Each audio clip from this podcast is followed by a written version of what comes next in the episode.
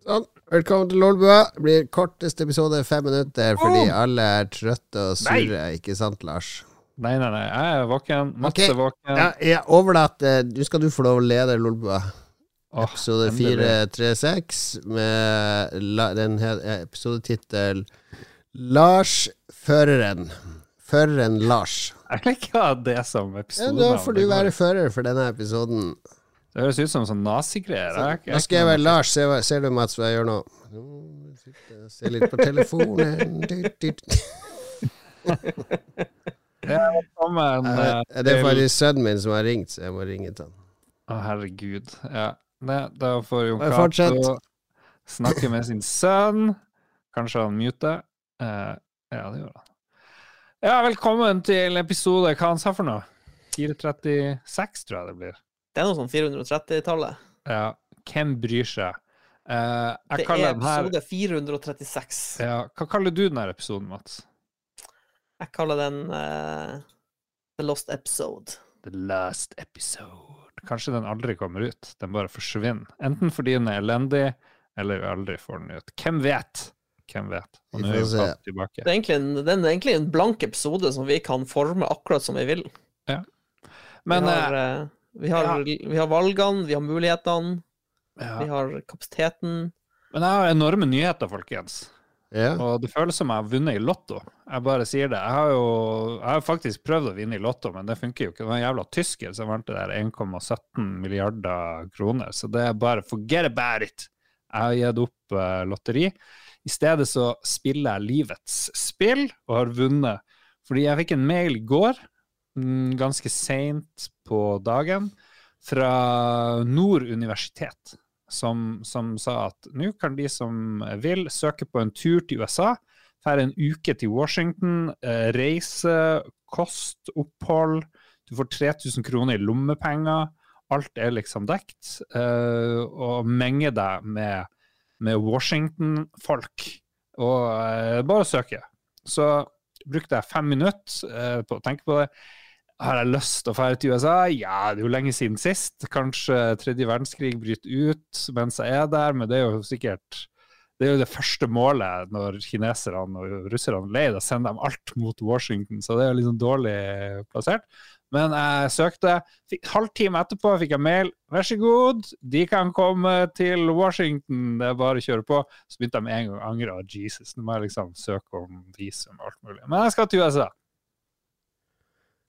Du skal til USA for å Eh, Det er, noe sånn, eh, det er litt kurs og seminar, og det er ikke, det er ikke hva som helst. Eh, Det er tullpakka program fra, fra mandag til fredag. Mandag vi møter norske korrespondenter, norske og nordiske diplomater, og vi møter Kongressen og politikere fra, på Capitol Hill. Eh, mer rettere sagt uh, Norway Caucus. Friends of Norway, tror jeg de heter. Uh, det er en sånn egen politisk gruppe som får penger for å samles. For å Det, det er. Washington-området. Washington DC. Ja, og det er folk fra Senatet og Kongressen og hva nå ikke heter der borte, som vi skal møte. Så det er både demokrater og republikanere. Så det er første dagen. Diplomater, politikere, utenrikskorrespondenter, og så går det bare slag i slag. Og det det er nice. Du bor i han- leilighet på Captain Matt. Hill gratis. Kanskje du kan treffe han Matt Getz, helten din. Hvem er det? Jeg vet ikke hvem det er. Han er eh, trasigkaren. Han er sånn eh, Han er, han er i eh, Kongressen, tror jeg. Jeg vil møte han som lyver om alt. Hva han helt for noe? Han vil jeg møte. Du har nå beskrevet alle senatorer som Ja. har eksistert. Jeg røper jo enorm eh, inkompetanse når det gjelder eh, det jeg skal på, men det er jo fint å lære. Men jeg er veldig glad i å følge med på amerikansk politikk, sånn i teorien. Jeg gjorde mer av det før. Men når det er valg, da er eh, jeg der. Du er veldig heldig, Lars, fordi Bad Lip Reading har sluppet en sånn 14 minutters video hvor de har dubba masse sånne opptak fra Kongressen. Så det er bare å se den videoen fire ganger før du drar dit, så er du good. Ja, Da, vet, da vet du alt du trenger å vite. Ja. Hva jeg bør gjøre i USA, folkens? Siden jeg nå skal dit. Mer enn en uke. Um, du må dra på noe sånt museum hvis du skal til Washington DC. Mhm. Ja, For du har vært der, har du ikke det? Ja, jeg har vært der. Er museumhovedstaden. Å ja. ja.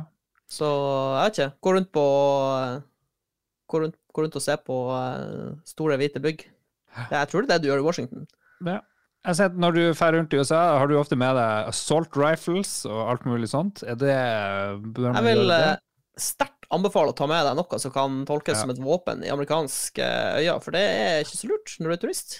Nei, nei, jeg dropper det. Men jeg ser at det, det er liksom greia når du drar rundt nå i USA. Ta med masse våpen. Jeg Tror ikke det er så lurt. det, det er sånn Nei. Får, vi får høre med Katarina, da.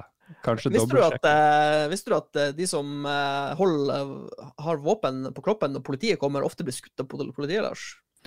Ja, men du kan jo også bli frikjent bare ved å skyte masse folk som ikke er politiet, da, selvfølgelig. Ja, men jeg tror du må kjenne dem. Jeg tror ikke det er sånn her Mm. Jeg tror du må ha en sånn en, en inn.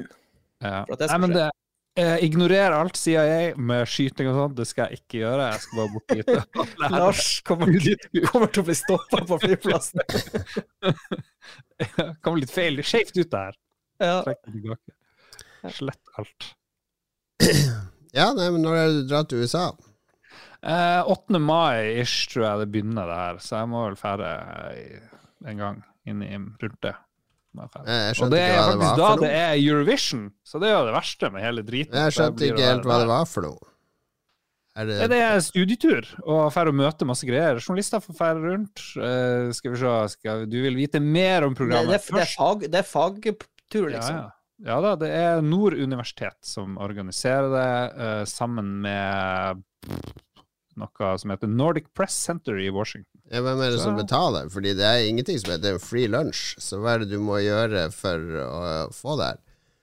Nei, det er, det er Noen journalister får være med en uke, mens det er noen studenter fra, fra Nord universitet som er i Bodø, der de har journalistutdanning, de skal være der i tre uker. Så jeg er liksom en av de her eh, Ja, hva, journalistene. hva er det? Noen betaler for dette. Hva er deres interesse av å sende dere dit? Nei, det er lære ting Jeg vet ikke. Ja, du er jo eh, journalist, er du så naiv? Altså, jeg hadde Hugo Tode Hansen det, Ja, det var jo bare noen hyggelige folk fra Nord-Korea som inviterte meg over dit og fikk kjøre rundt i kul bil og sånn. Det var ikke noe Jeg har ikke betalt noe for det her, det er bare gratis. Altså, det, det er jo noen som vil påvirke et eller annet hvis de bare gir bort Mhm. sånne turer. Ja, det er vel eh, Nord universitet, tror jeg jeg driver.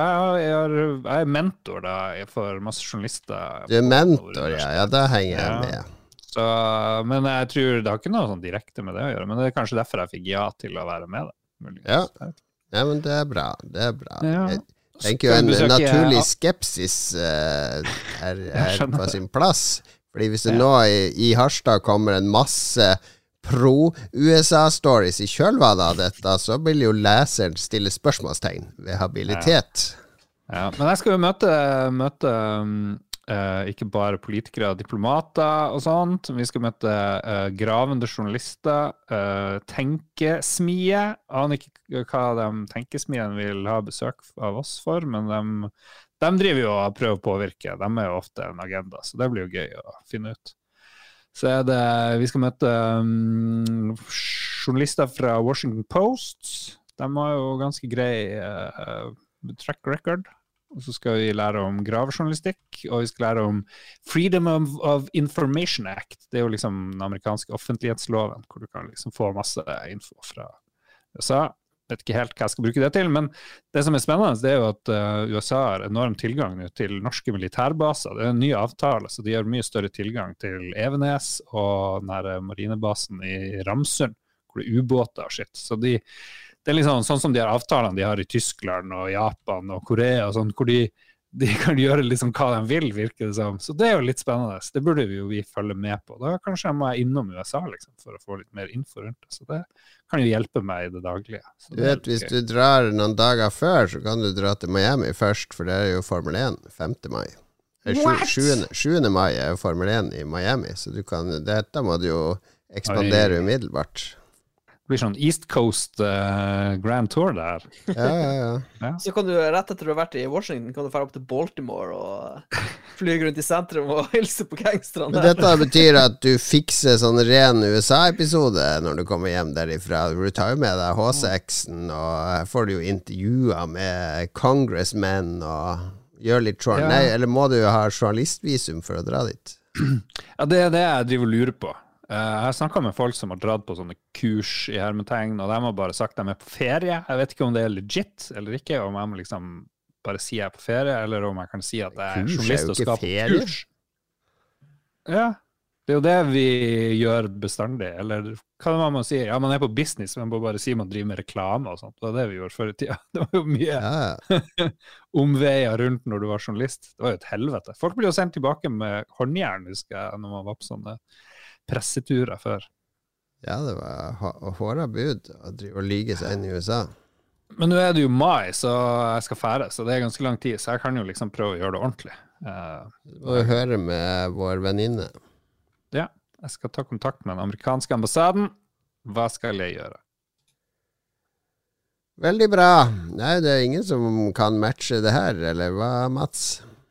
Nei, jeg har ikke så mye å melde. Jeg, jeg vil gjerne jeg, jeg vil ha, komme med en gladnyhet, og det er at de fant eh, det radioaktive materialet i Australia. Etter en, Ja, det vi etter en massiv leteaksjon, så uh, oppdaget de det faktisk. Så det, var, det var en lykkelig slutt der. Det var ingen som trengte å dø av blodkreft, og uh, ja Et lite Men- lys, lysglimt i hverdagen. Men hvor sannsynlig er det at de fant der australske sånn størrelse på et, et, et riskorn, eller hva det var for noe, Ja, de, hadde en, de hadde en liten fordel, og det er at eh, det riskornet var veldig radioaktivt, så det finnes metoder eh, Mm. å oppdage det på. Så hadde det vært et Hadde det vært eh, Hadde det ikke hatt noe stråling eller noe sånt, så hadde det jo vært eh, umulig, vil jeg si. Men eh, ja. Mm. Tror du de bare løy og bare sa 'ja, vi fant det', og så la de ut noe i sanda, og så bare 'oi, se der var den', og så tar vi den hjem. Putter den i lomma. Eh, jeg tror ikke det er verdt risikoen at uh, plutselig så er det masse bilister som dør av eh, blodkreft. Nei, ja, de fant det. Herregud, Lars, du må ikke være så Du skal til USA, så jeg begynner å bli konspirasjons... Jeg hører det. Du har tatt på deg Du har Ja. tatt på deg hatten. Hmm. Konspirasjonshatten. Nei, ellers nei, jeg, har vært i, jeg var i Bodø i helga på, med oh. søskenbarnet mitt. Vi var på en Oi. liten Det er jo spennende, da. Nei, det var ikke så spennende. Jo, jo, jo, jo. Må hype det. Dikt opp litt. Må hype det litt. Nei, vi kjørte ned på lørdagen, og så Wow. bodde vi på hotell. Wow. Og så på søndagen skjøt vi en liten eh, match Person? i eh, hula til, til Salten Dynamiske. Mm. Og så kjørte vi hjem igjen. Og så bomma vi på ferga. Eller vi bomma ikke på ferga, men det var egentlig det som var det som satte sitt spor på turen, at vi kommer ned, kommer ned til fergeleiet. Vi skal ta ferga fra Bognes til Lødingen. Og så eh, var det litt sånn dårlig føre, så vi eh, med vilje sjekka vi ikke fergetabellen før vi kjørte. Fordi hvis du, hvis du driver og kjører, for det er en sånn tre timers kjøretur, så hvis du ser at OK, hvis vi bare kjører litt over eh, fartsgrensa, så kan vi rekke den ferga. Det er jævlig dårlig eh, ting å gjøre, egentlig. I tillegg var det dårlig det er jo et valg. Det er jo et valg. Er det ikke bedre å ha informasjon og ta et valg enn å bare sette ut i blinda? Vi konkluderte med at det var best å sette ut i blinda, på grunn, mest pga. at det var veldig dårlig føre. Fordi vi har ikke lyst til å bli pressa opp i fart når det er dårlig føre. Og så kommer vi frem til fergeleiet, og så er det ingen biler der, og det er tomt, og vi bare ah, vi har sikkert akkurat gått på ferga. Så viser det seg at ferga gikk for sånn her 20 minutter siden. Men det er ikke noe stort problem, for det kommer en ny ferge om 40 minutter. Så det er ikke så lenge å vente. Går de så ofte? Ja, det er to ferger som går fram og tilbake. Men, men så viser det seg at den ferga vi skulle ta, er innstilt fordi det var noe, var noe kødd, og så måtte de bytte ferge. Så vi måtte vente to og en halv time i stedet for 40 minutter. Så det var, det var litt Rage. Ja. Eh, Men så, men du hoppa eh, veldig fort over hvordan det gikk med skytinga. Du bruker jo å vinne. Det er jo jeg vant til nå. Jeg, det var en på landslaget som var med der. Ble Så- du nummer to? Nei, Nei de, er, de, er, de er rå, de her eh, Bodø-karene. Jeg, vant- jeg vant min divisjon, jeg vant Production Optics, men Ja. Jeg, jeg vant ikke overall, som er det viktigste. Mhm. Ja, okay. Så det var, eh, det var Men det var morsomt. Det var, jeg har bare skutt ute i Bodø, for de har jo et uteanlegg og så har de et innanlegg, så dette var inne i, i eh, fjellhula deres. Så det var yeah. right, og- The goblins in the caves are The shooting. The ok, Det er litt greit å være inne på vinteren. Slippe å fryse på, på fingrene. Men Ja. ja. ja, det var min helg. Uh, kjøper du mat på ferga? Uh, svele? Kjøpte ikke mat på ferga. Vi hadde litt sånn kjeks og eh, stæsj med oss, og så spiste vi i Kongsvik, på den der eh, burgerplassen. Ja. Ok. House of Burger. House of Burger i Kongsvik. Var det bra? OK, hopp må jeg hoppe. Du begynner å begynner, å tune den her Bodø-turen veldig. Det var ikke så spennende å dra på. Hvordan var temperaturen? Oi, Ja. oi, Ja, Jon Cato, du, du sendte noen snapper veldig tidlig i dag. Ja, jeg har vært opp kjempetidlig. Jeg har vært i Trondheim. eh, eh, Jeg er konsulent for Midtnorsk, så jeg var i Trondheim i går på noe event. Og da Ja, så jeg var i Trondheim. Det er jo ikke noe å fortelle om Trondheim. Det er jo bare en ganske Trondheim er mer interessant enn Bodø. Nei, er det egentlig det? Er det det? Er det det? Er det det? Jeg har vært på Work Work i Trondheim, som er uh, sånn der uh, Bare vent til Lars er klar. Sitt på mobilen. Ja. Jeg må bare være redaktør Sånn, Sånn er man klar. Nei, Jeg har vært på Work Work i Trondheim. Har dere vært der? Work, Ja. work. Ja, det er sånn der er kontorfellesskap og bar og kafé og konferansested og litt sånn. Sånn som mange mange barer eller sånn Mange steder i Oslo har blitt sånne der steder der du kan sitte og jobbe og drikke øl og drikke Det kaffe. å, og, um, og det er som å slå sammen eh, et orgie og et kontor, på en måte. Ja, ikke Ja. akkurat orgie, men det, de tjener jo Sånn som det der eh, kulturhuset i Oslo, det er jo veldig mange som har pressekonferanser og sånn der. Det har jo myndighetene også hatt, regjeringa og sånn, hatt pressekonferanser, presentert budsjetter og sånn der. Så de tjener veldig mye på sånne events, ikke sant. Så jeg tror eh, Ja, jeg tror Kulturhuset i Oslo har sånn omsetning på 80 mill. i året. Og det er jo bare en brøkdel av det som er å selge øl og kaffe til gjester. Resten er jo eh, selskaper sånn som booker det, ikke sant. Til å ha eh, seminar og andre ting der. Så, mm. så jeg, sånn er WorkWork i Trondheim òg, har jeg skjønt. Så jeg var nå oppe der og ja. Eh, Snakka med noen spillutviklere, og det er jo hyggelig å dra dit, men jeg syns det er så utrolig slitsomt å fly. Jeg hater å fly. Jeg hater hele den der prosessen med å dra ut til flyplassen og sjekke inn og sikkerhetskontrollen og sitte og vente ved gaten og sitte og vente på at flyet skal ta av og sitte og vente på at du skal Ja. komme frem. Jeg, tror, jeg tror også når du er litt sånn når, det, når man er litt sånn ute av trening, i anførselstegn, at det er lenge siden du har flydd, så er det også ekstra jævlig å fly.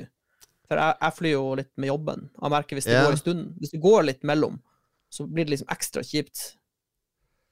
ja, ja det, er, det er kanskje noe i det, men jeg, jeg, vil, jeg vil jo aldri komme opp i den frekvensen når jeg drev eh, med Altså når jeg drev og fløy og så på spill i Eninga. Der fløy jeg jo hele tida. Jeg vil jo aldri komme dit. Nei, men jeg får jo litt sånn eh, Jeg får litt Jeg blir litt svett av å tenke på ferde til USA, da. Holy balls. Det finnes jo ikke et Jo, mer men eh, krøkkete land å ferde til. øst, østkysten er ikke så ille.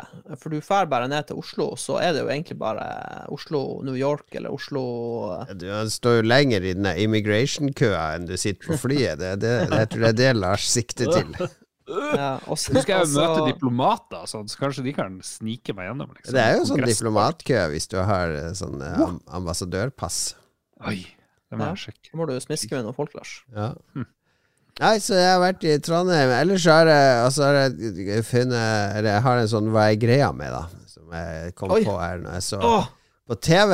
Fordi um, Det er mer en observasjon. Det er jo hva er greia med. Fordi Har du sett eh, Jeg klarer ikke å slutte å se på Lars som sitter og tenker på noe helt annet. Kan ikke bare gjøre det ferdig, Lars? Fortsett. du. Eh, Det er en politisk bombe i ferd med å eksplodere i Oi. Så jeg bare oi, oi, oi. må, jeg må være support. Sorry! OK. Ok. Er det, er det eh, noen som har begått eh, drap? En politiker som har drept noen?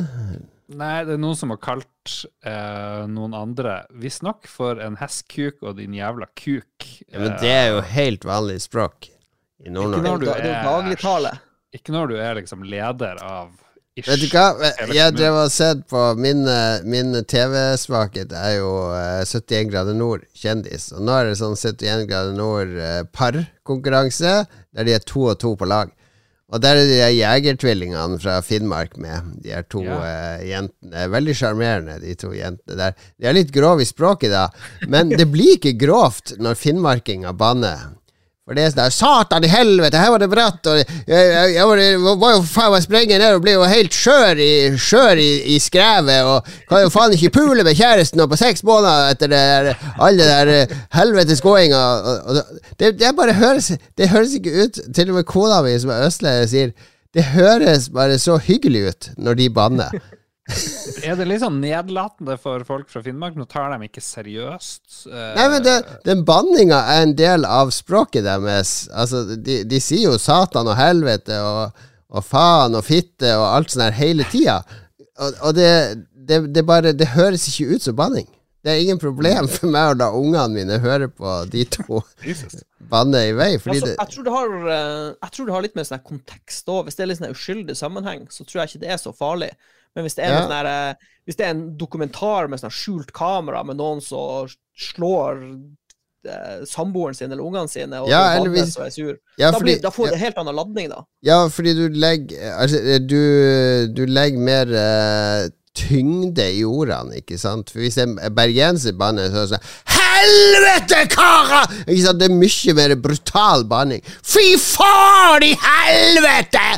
Ikke sant? Mens når en finlender bare sier Å, fy faen i helvete, dette var ikke veldig bra. Altså, det blir bare, det blir bare en en, det blir ikke fremheva som at nå skal jeg være litt sånn grov og tøff. Det er bare Det flyter. Ja, men hva med når han Knut Bjørn Sundquist, eller hva han heter, begynner å banne? Det er ganske hardt. Nei, det er ikke det, for han er også som mild banning. Hva i faen? Hva i faen er det mye galt med deg, Lars? Hva i faen du sitter og stirrer i den helvetes telefonen hele tida? Hva faen satan meg ta og trykke den telefonen langt opp i rasshølet ditt? Jeg ser ikke på sant? mobilen. Det høres-. Det er, en, det er en trussel om vold, men det er en vennlig trussel om vold. Er det det? Ja, ja, ja, ja. Gode. Men det var ikke det som var min observasjon. Men nå ble det jo veldig bra her. God stemning. Eh, jeg må jo innrømme jeg har sett den her eh, Good Luck Guys-serien. Oh yes, oh yes. Faen, nå må jeg hive meg rundt her og se. Holy fuck, det var bra saker. Ja, altså. det er gull. Det er gull. Altså, du, du merker at du blir litt glad i folka òg, etter hvert. Ja, jeg likte når de ene paret for ut, og så sier de ja, nå har Norge nå Norge mista oss. Å, Norge, stakkars Norge, du må gå ut av programmet. Det er sånn typisk nordnorsk reality-deltaker. Nordlending sammen med en svenske, det er en dårlig kombo. Å, herregud, for noen mennesker. Nei, men han der Erlend Elias er jo fantastisk. Erlend Elias er en flott fyr, altså. Herregud, jeg, jeg, jeg trodde han var litt sånn håpløs eh, glamourfrisør før, men jeg har sett han i programmet. Han er jo diplomatisk og snill og hyggelig og tar vare på folk. Og, og han der uh, hun, hun Jenny og han andre asiaten der, Ja, han, ja, er, han er jo dritkul, han der asiaten der. Har tatt Botox i hårbunnen for ikke å svette. Og så eh, jeg, jeg, digger de. Ja, nei, jeg liker de her asiatfolkene, som, som vel egentlig er veldig norsk. Men ja. Ja, jeg digger hele gjengen her. Nei, men Det er bra du har sett den. Det som var min Hva er greia med min observasjon? Hvis, hvis dere har sett på film, spesielt eh, film eller TV-serier fra USA, der det er et klasserom, og så ringer det ut og det, er alltid, Da må alltid lære seg I Remember the assignment Tuesday first uh, by nine o'clock on my desk. Remember the homework this weekend. There's a home game going on. Du må alltid stå og rope ut noen sånne lekser. De kan aldri liksom bli, være på slutten av timen som bare 'Å ja, der ringer det ut. Ha det bra. God helg.' Det er alltid her vil jeg ta sånn kontrollsjekk med deg som har undervist. Det har jo jeg gjort, eh, Ja. Kato, og kanskje du og Mats. Og gi, beskjed til folk. Det er, det er bare en viss prosentdel som får med seg de her beskjedene. Så det å rope det ut mens det ringer er jo Jeg kan ikke huske det fra da jeg gikk på skole i det hele tatt, at lærer sto og ropte ut Og så blir det tyskprøve på torsdag! Husk på det! Alle må ha med kalkulator på mandag, for da er det Det, det, det var, var jo ikke sånn, men i hver eneste amerikansk skolescene, hvis det ringer ut, så står læreren og kauker ut en masse beskjeder. Jo, men jeg tror, jeg tror optimisten i meg velger å tro at det er repetisjon av beskjeder som er blitt gitt tidligere. Mm. Nei, nei det, Ellers så er bare lærere i USA veldig men men dårlig utdanna. Men jeg, tr jeg tror dessverre det er sånn her trope. Altså, eh, på samme måte som eh, amerikanske filmer og TV-serier, når de er ferdige å snakke i telefonen, så sier de ikke ha det til hverandre eller noe sånt. Det er bare sånn pip! så legger de bare på, liksom. ja, det er en annen greie med det der. De De er er veldig snaue på telefonene. Ja. Eh, jeg har sjekka om eh, en annen sånn her eh, Klisjé er jo at politiet spiser mye donuts. Jeg har sjekka det med politiet i Harstad. Ingen spiser donuts, så jeg gleder meg neste gang jeg skal dit. Skal jeg ta med en boks full av donuts. Skal jeg se hva som skjer. Det blir gøy. Du får prøve det. Nei, det var bare det som var greia mi, at jeg begynte å henge meg opp i alle sånne skolescener der de roper. Og hvis du ser europeisk film og det er skole, så er det veldig kultivert og danna når det ringer ut. Det er det bare OK, takk for i dag.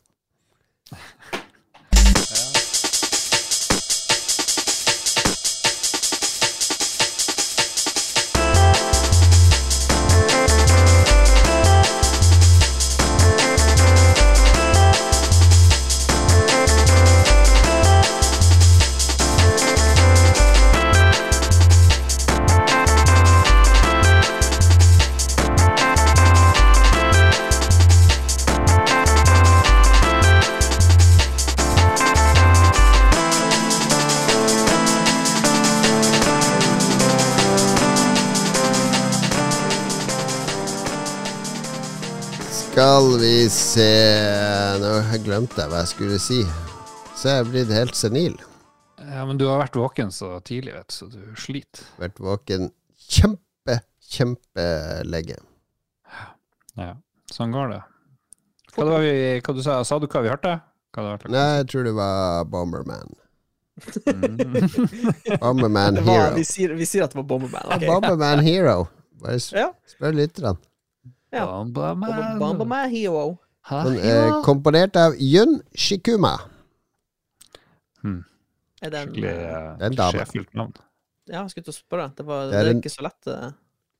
En dame en, eh, lager drum and bass-musikk til eh, Bomberman-spill, blant annet. eh, veldig kult soundtrack på Bomberman Hero. Det er mye drum and bass. Det er jo hva vi har spilt i det siste, og nå er det jo mulig å spille dette eh, spillet som ikke kan nevnes. Hogwarts Legacy. Oh, yeah, oh. Eh, Jeg så det var mange som driver og spiller det på Twitch, så det er ikke helt boikotta.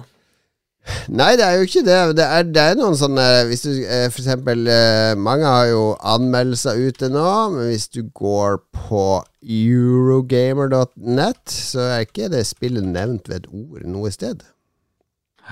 ja. Det er vel ikke alle som har fått kode heller, så vidt jeg har skjønt. Alle kan jo spille det nå hvis du bare betaler litt ekstra. Det, er sånn der, det lanseres på fredag, men i dag hvis du betaler 200 kroner ekstra. Hvis du går på Ja. Reset Era, et kjempestort spillforum, der har de en sånn der sticky øverst uh, concerning Hogwarts Legacy and JK Rowling. All snakk om spillet er forbudt på det spillforumet. Der er det 100 000 medlemmer eller noe sånt på det fora.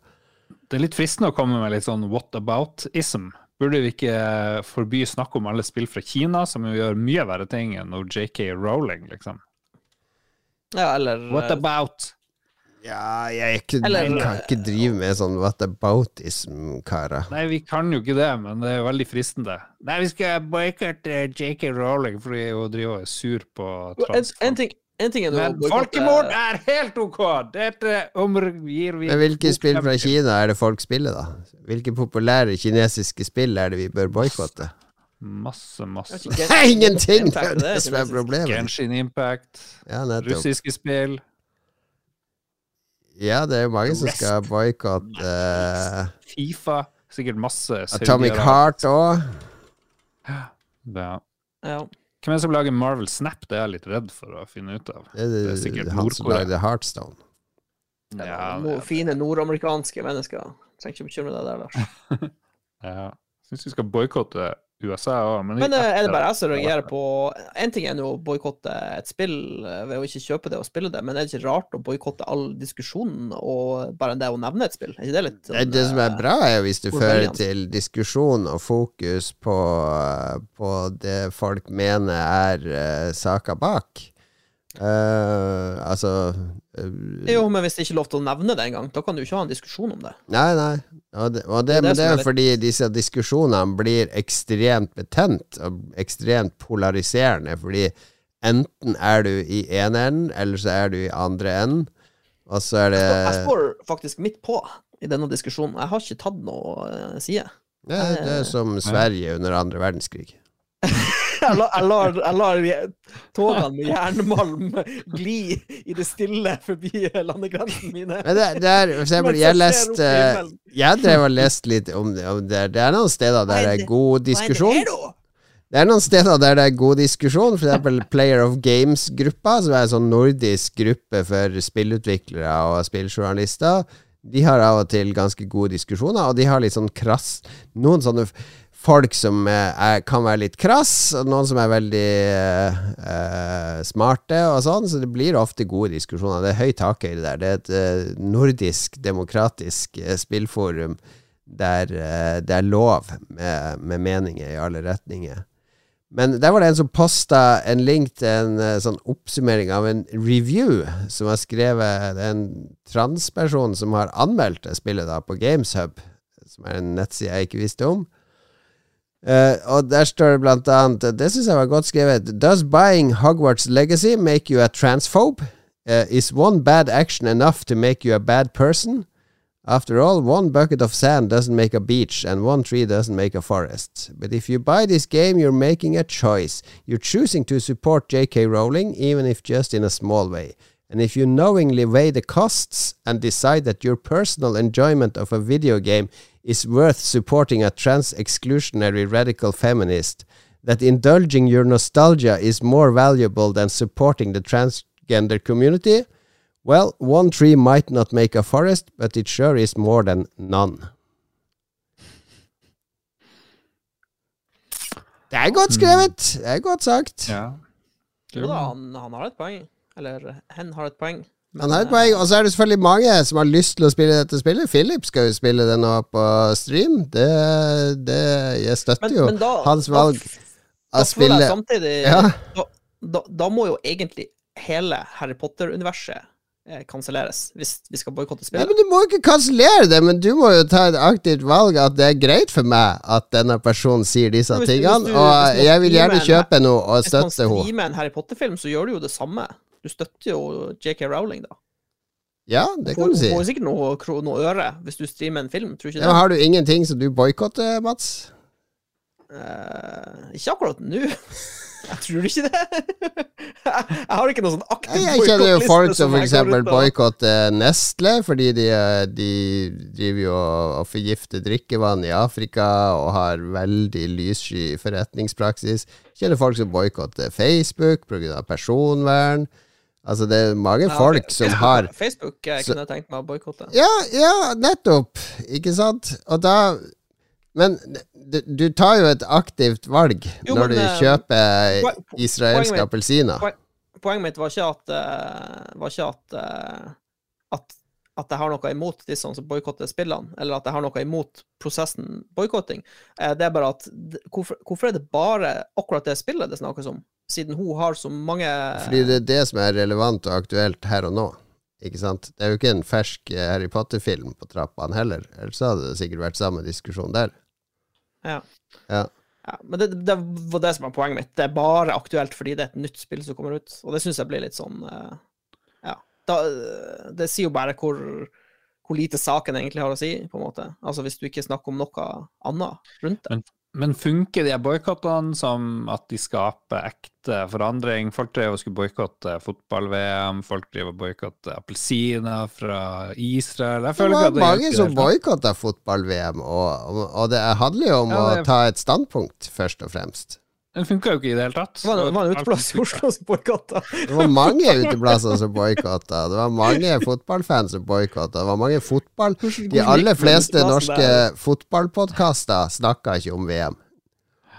Det eneste som skjedde, var at Ball gikk konkurs og sånt. Det, det var liksom den store effekten av fotballboikotten. Men sånn, sånn sett så, så betyr det jo egentlig bare at uh, de har gjort et merke i boikottlandskapet, på en måte. For da, folk vil jo huske det mer enn at de boikotta det, på en måte. Det blir forsterka, på en måte. Så det er jo egentlig ikke noe utelukkende negativt, sånn sett. Jo da, men for... De har jo en, leg de har en legacy nå. ja, Jeg vil, jeg vil påstå det er en billig måte å vise motstand på. Eh, oh, shit, jeg skal boikotte. Du gjør jo ingenting. Du bare, du bare lar være å, å la la være å kjøpe israelske appelsiner, men du bør jo gjøre noe annet. Du bør jo Ja, liksom egentlig, egentlig så burde du lage Molotov cocktails og kaste Molotov cocktails inn i Nei, men du kan jo. Altså, det er jo Jeg har sett folk på forum som i stedet for å bruke 50 500 kroner på dette spillet, har gitt 500 kroner til Foreningen Fri, f.eks.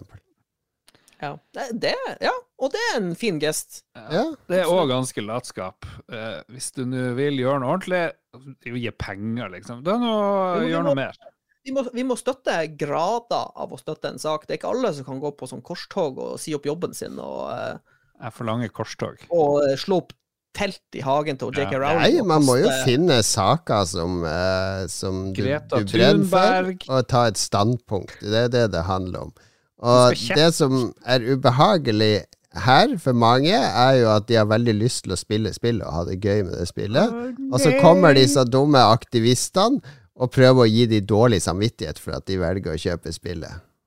Og Ja. og det, det støtter jeg ikke. Du burde ikke shame de som kjøper det. Da, da, Du shamer jo ikke. Du, jeg sier jo bare hvis du kjøper Jo, nei, det men, spillet, eh, Mats, så gjør du et aktivt valg at du, Jo, du velger å støtte men- JK Rowling.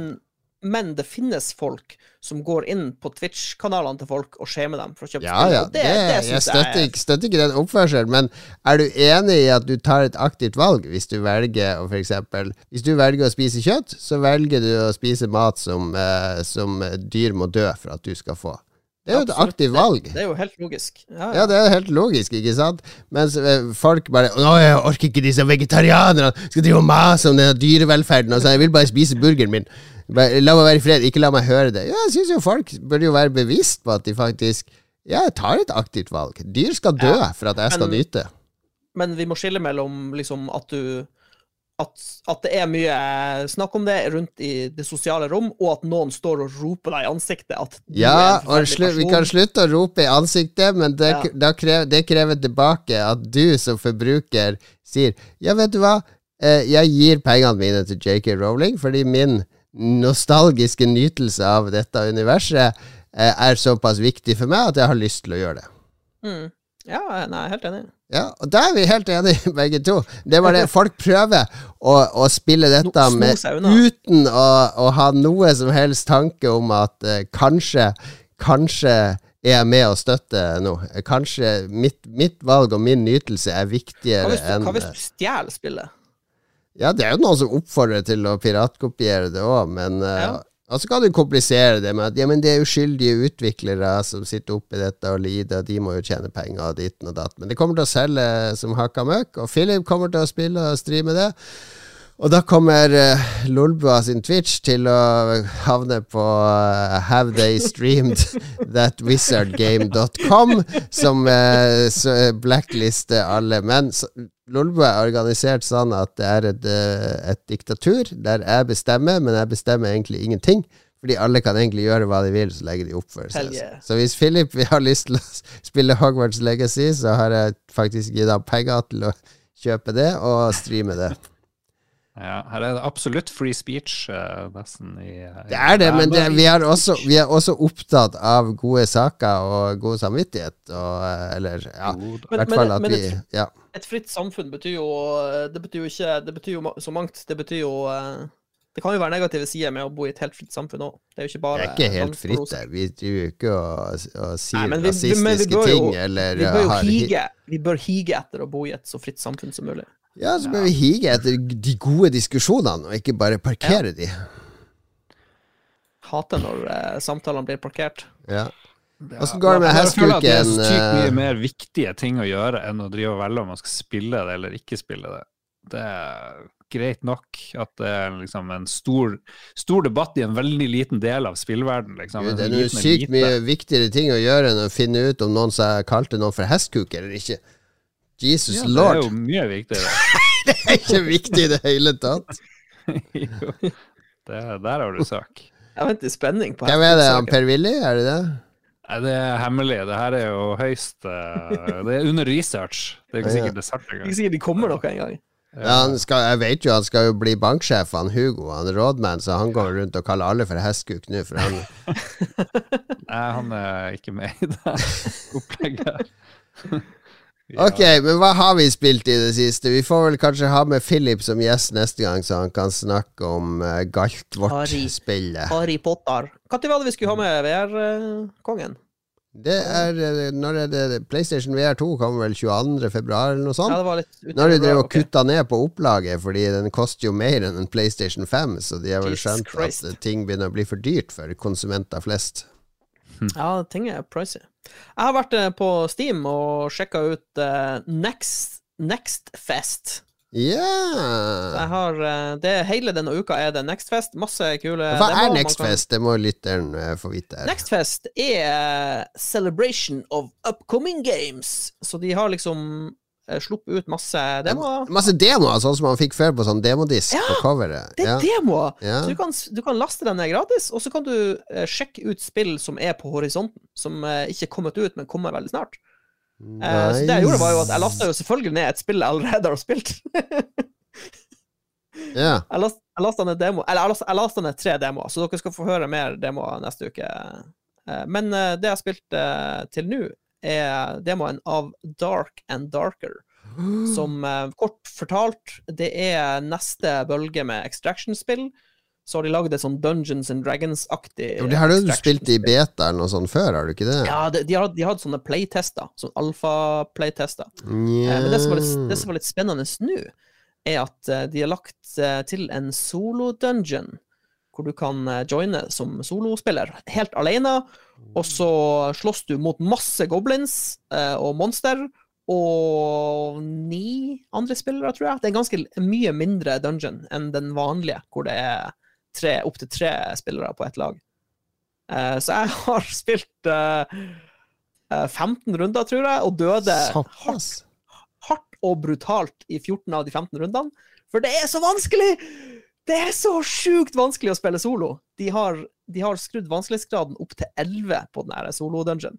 For ikke bare er de her, eh, de her goblinene eh, noen morderiske vesen som har eh, gift på sverdene sine og gift på pilspissene sine, og så er det noen sånne her biller som slår deg, eh, masse feller, det er mørkt, du ser ingenting, og så kommer det La oss si du overlever en sånn encounter mot de her drapsgoblinene. Så kommer du selvfølgelig en annen spiller og myrder deg mens du står og prøver å heale deg og, og lute de her goblinene. Så ja, solo Dark and Darker er noe av det mest brutale jeg har vært borti. Men eh, jeg satt og flirte hysterisk og storkoste meg allikevel. Fordi jeg døde nesten hver runde. Morsomt. Så det, det lover veldig bra.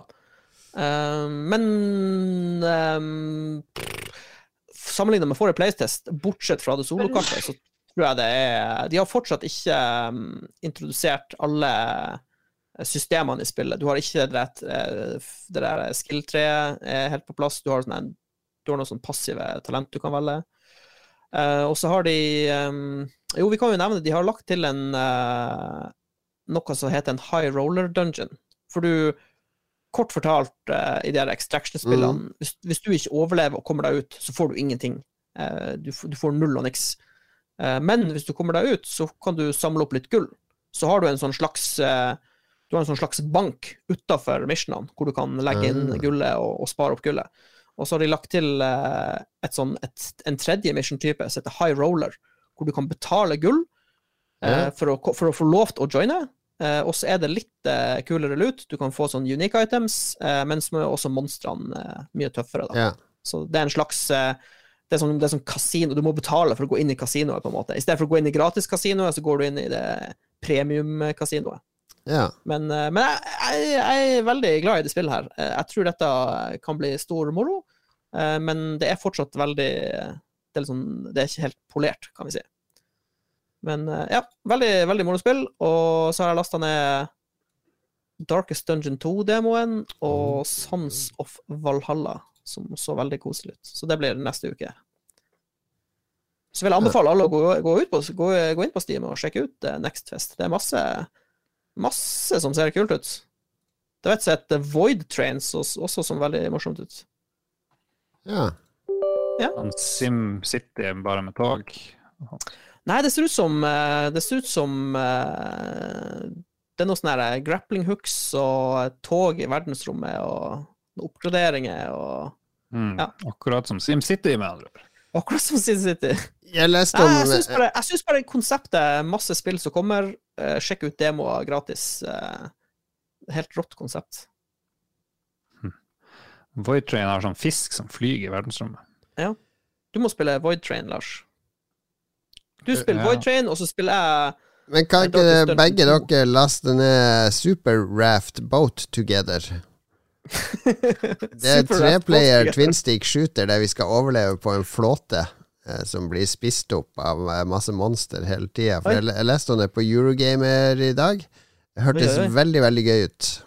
OK, ja, nei, men kanskje Ja, men å, ja, Coop hadde jo vært noe. Ja, det er Coop. Treplayer Coop. Ja, ikke sant? Ja, men da gjør vi det. Perfekt. Raskt. Kan vi se om vi får streama det i helga. Perfekt.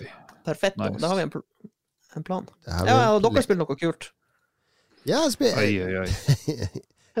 jeg har eh, Jeg har spilt noe eldgammelt. Nå har jeg gått all in, nemlig. Så nå, nå, blir det, nå blir det jeg som blir den nye Lars, som ikke spiller noe nytt. Fordi jeg har jo investert i en sånn her simrig for å spille Formel 1-spillene. Jeg er veldig hekta på Formel 1. Og så får jeg jo høre fra flere aldri at Formel 1 er ganske dårlig. Sånn der eh, simracing og sånn. Mm. Altså, jeg, jeg har jo skjønt det, fordi det er ikke alt som er bra. Dårlig fysikk og en del, god del sånn arcade-ting i de. Men så har jeg ikke orka å begynne med sånn ordentlig simracing fram til nå, da. Fordi jeg, jeg vet ikke helt hvorfor, men det ble liksom tipsa om det iRacing. Og iRacing er jo ikke et spill, det er mer en tjeneste. Det er en nettside som heter iracing.com. Det er så dårlig navn. Putte i foran. Ja, det her, den her har vært siden 2010, Lars, så da er det en unnskyldning. Det er lov. Hvis det, er- hvis det er to, fra 2010 er det innafor. Ja, det er kjempegammelt. Eh, De begynte for lenge siden om å lage et rammeverk for racingspill, da. Så du må lage deg en profil på denne nettsida, og da kommer du inn, Da kan du laste ned eh, Da må du subscribe, da, fordi det koster eh, en subs subscription for å kunne kjøre i iRacing. Eh, og da må du laste ned hovedspillet, og der får du sånn her ti baner og tolv biler, eller noe sånt. Og så er det sånn, skal du kjøre på Interlago, så er det 15 dollar for å kjø kjøpe Interlago, liksom. Og det er ikke sånn sinnssykt mange baner. Hvis jeg skal kjøpe alt, alle banene og bilene, så blir det sikkert 10 000 kroner eller noe sånt. Så det er jo litt, men hver bane er jo sånn laserskanna inn. Så den er sånn der én til én med hvordan den er i virkeligheten i forhold til eh, grep og humper og alt sånn. Eh, det er superrealistisk. Eh, og så er det bare ekte baner, det er bare ekte biler, og uh, detaljnivået er veldig høyt. Men så får du et sertifikat da når du registrerer deg. Du begynner med sånn rookie-sertifikat. Og da er det sånn Det er fire ulike typer løp. Ikke sant? Det er sånn oval, som er det kjedelige NASCAR-greiene som de elsker å kjøre i USA, rundt i en ring hele tida. Og så har du road race, som er veldig sånn som Gran Turismo, ikke sant? Med, med asfaltbaner. Og så er det offroad, og så er det dirt oval som bare er kaos, tror jeg. Jeg kjører jo bare road race, for jeg liker å kjøre på asfalt. Liker å kjøre på ekte baner og veier og sånn. Uh, og der uh, Begynner med sånn rookie license. Og så er det jo Du kan kjøre time trial og kjøre mot sånn AIA og sånne ting på de banene, men det som er gøy, er jo å kjøre ordentlig løp. For det er sånn kalender på startsida til spillet, ikke sant. Så om 20 minutter så starter det Masta eh, RT5, eller hva den heter, MX5, Mazda MX5-løp på eh, Virginia Short Raceway. Og Så går jeg inn og øver litt der med Mazdaen, og da kjører alle Mazda på den banen. Og så plutselig så er man 14 spillere som kjører kvalik og mot hverandre. Altså Det er jo ikke sånn som Gran Turismo og andre at du kan spole tida tilbake hvis du sledder ut, eller bare trykker på en knapp, så resettes du ut på banen. Kjører du, krasjer du, så har det konsekvenser. Det er inne i pitten, så er det sånn 20 minutter å reparere. altså, du er basically ute, ikke sant? Det er 100% sånn realistisk, fatalistisk. Så at du må kjøre ordentlig. Og det gjør jo også at. Hæ? Det er Escape from Tarkov bare med biler. Ja, men det gjør jo også at folk er litt sånn intense her, ikke sant? Fordi du sitter og kvalifiserer deg, og skal du kjøre, og så kommer det en eller annen idiot og kjører rett inn i ræva på deg i første sving. Da får Ja. du høre det. You Ja, fucking folk, idiot! Folk investerer jo tid og Ja, og så sender de sånn klage til stewards og sånne ting. Så, fordi den, du har jo sånn rating på det sertifikatet, ikke sant. Så kjører du clean, så går du opp i, eh, i, i, i sånn der eh, clean rating, ikke sant, om du kjører pent. Og så har du en annen som er sånn uh, race-ratinga di, som er din skill, egentlig. Og det handler jo om å kjøre raskt og vinne og kvalifisere seg bra. Så både det å kjøre rent og ordentlig og ikke forårsake en masse tull, det er en rating. Og når du går opp nok i den, så avanserer du til D-sertifikatet. Og så er det C-sertifikatet, og så er det B, og så er det A. Og de som kjører på A, de er jo proffe, ikke sant. Da kjører du sånne store løp på Twitch og pengepremier og sånn, for det er jo proliga òg i det spillet her. Når har du eh, A-license, Jon Cato? Nei, jeg har har D-license. Det var ikke så vanskelig å komme seg for å rookie til det, så jeg drev og, og kjørte den Mastaen. Jeg har sikkert kjørt 70 runder på den Virginia-banen. Og det har også vært litt morsomt å finne ut hvordan jeg skal ta de svingene. Og hva, hva er optimal bremsing og, og alt sånt. Jeg drev og, og shava på den rundetida litt etter litt etter litt etter litt. Og nå klarer jeg flere løp der jeg kommer i topp fem på den banen med de mastene, og da avanserte jeg opp. Uh, altså, jeg kjøpte jeg kjøpt uh, Silverstone, den engelske banen, og en Ferrari-bil, og drev og lekt meg litt der. Og jeg er helt sånn superhekta på å kjøre de bilene der. Eh, Tror du du blir bedre sjåfør av det? For jeg vet jo at mange sånne VR, eh, eller sånne virtual racing-folk, de er kjempegode på ordentlig. De, de får lov å prøve seg, og så vinner de sånne ulike ting og tang.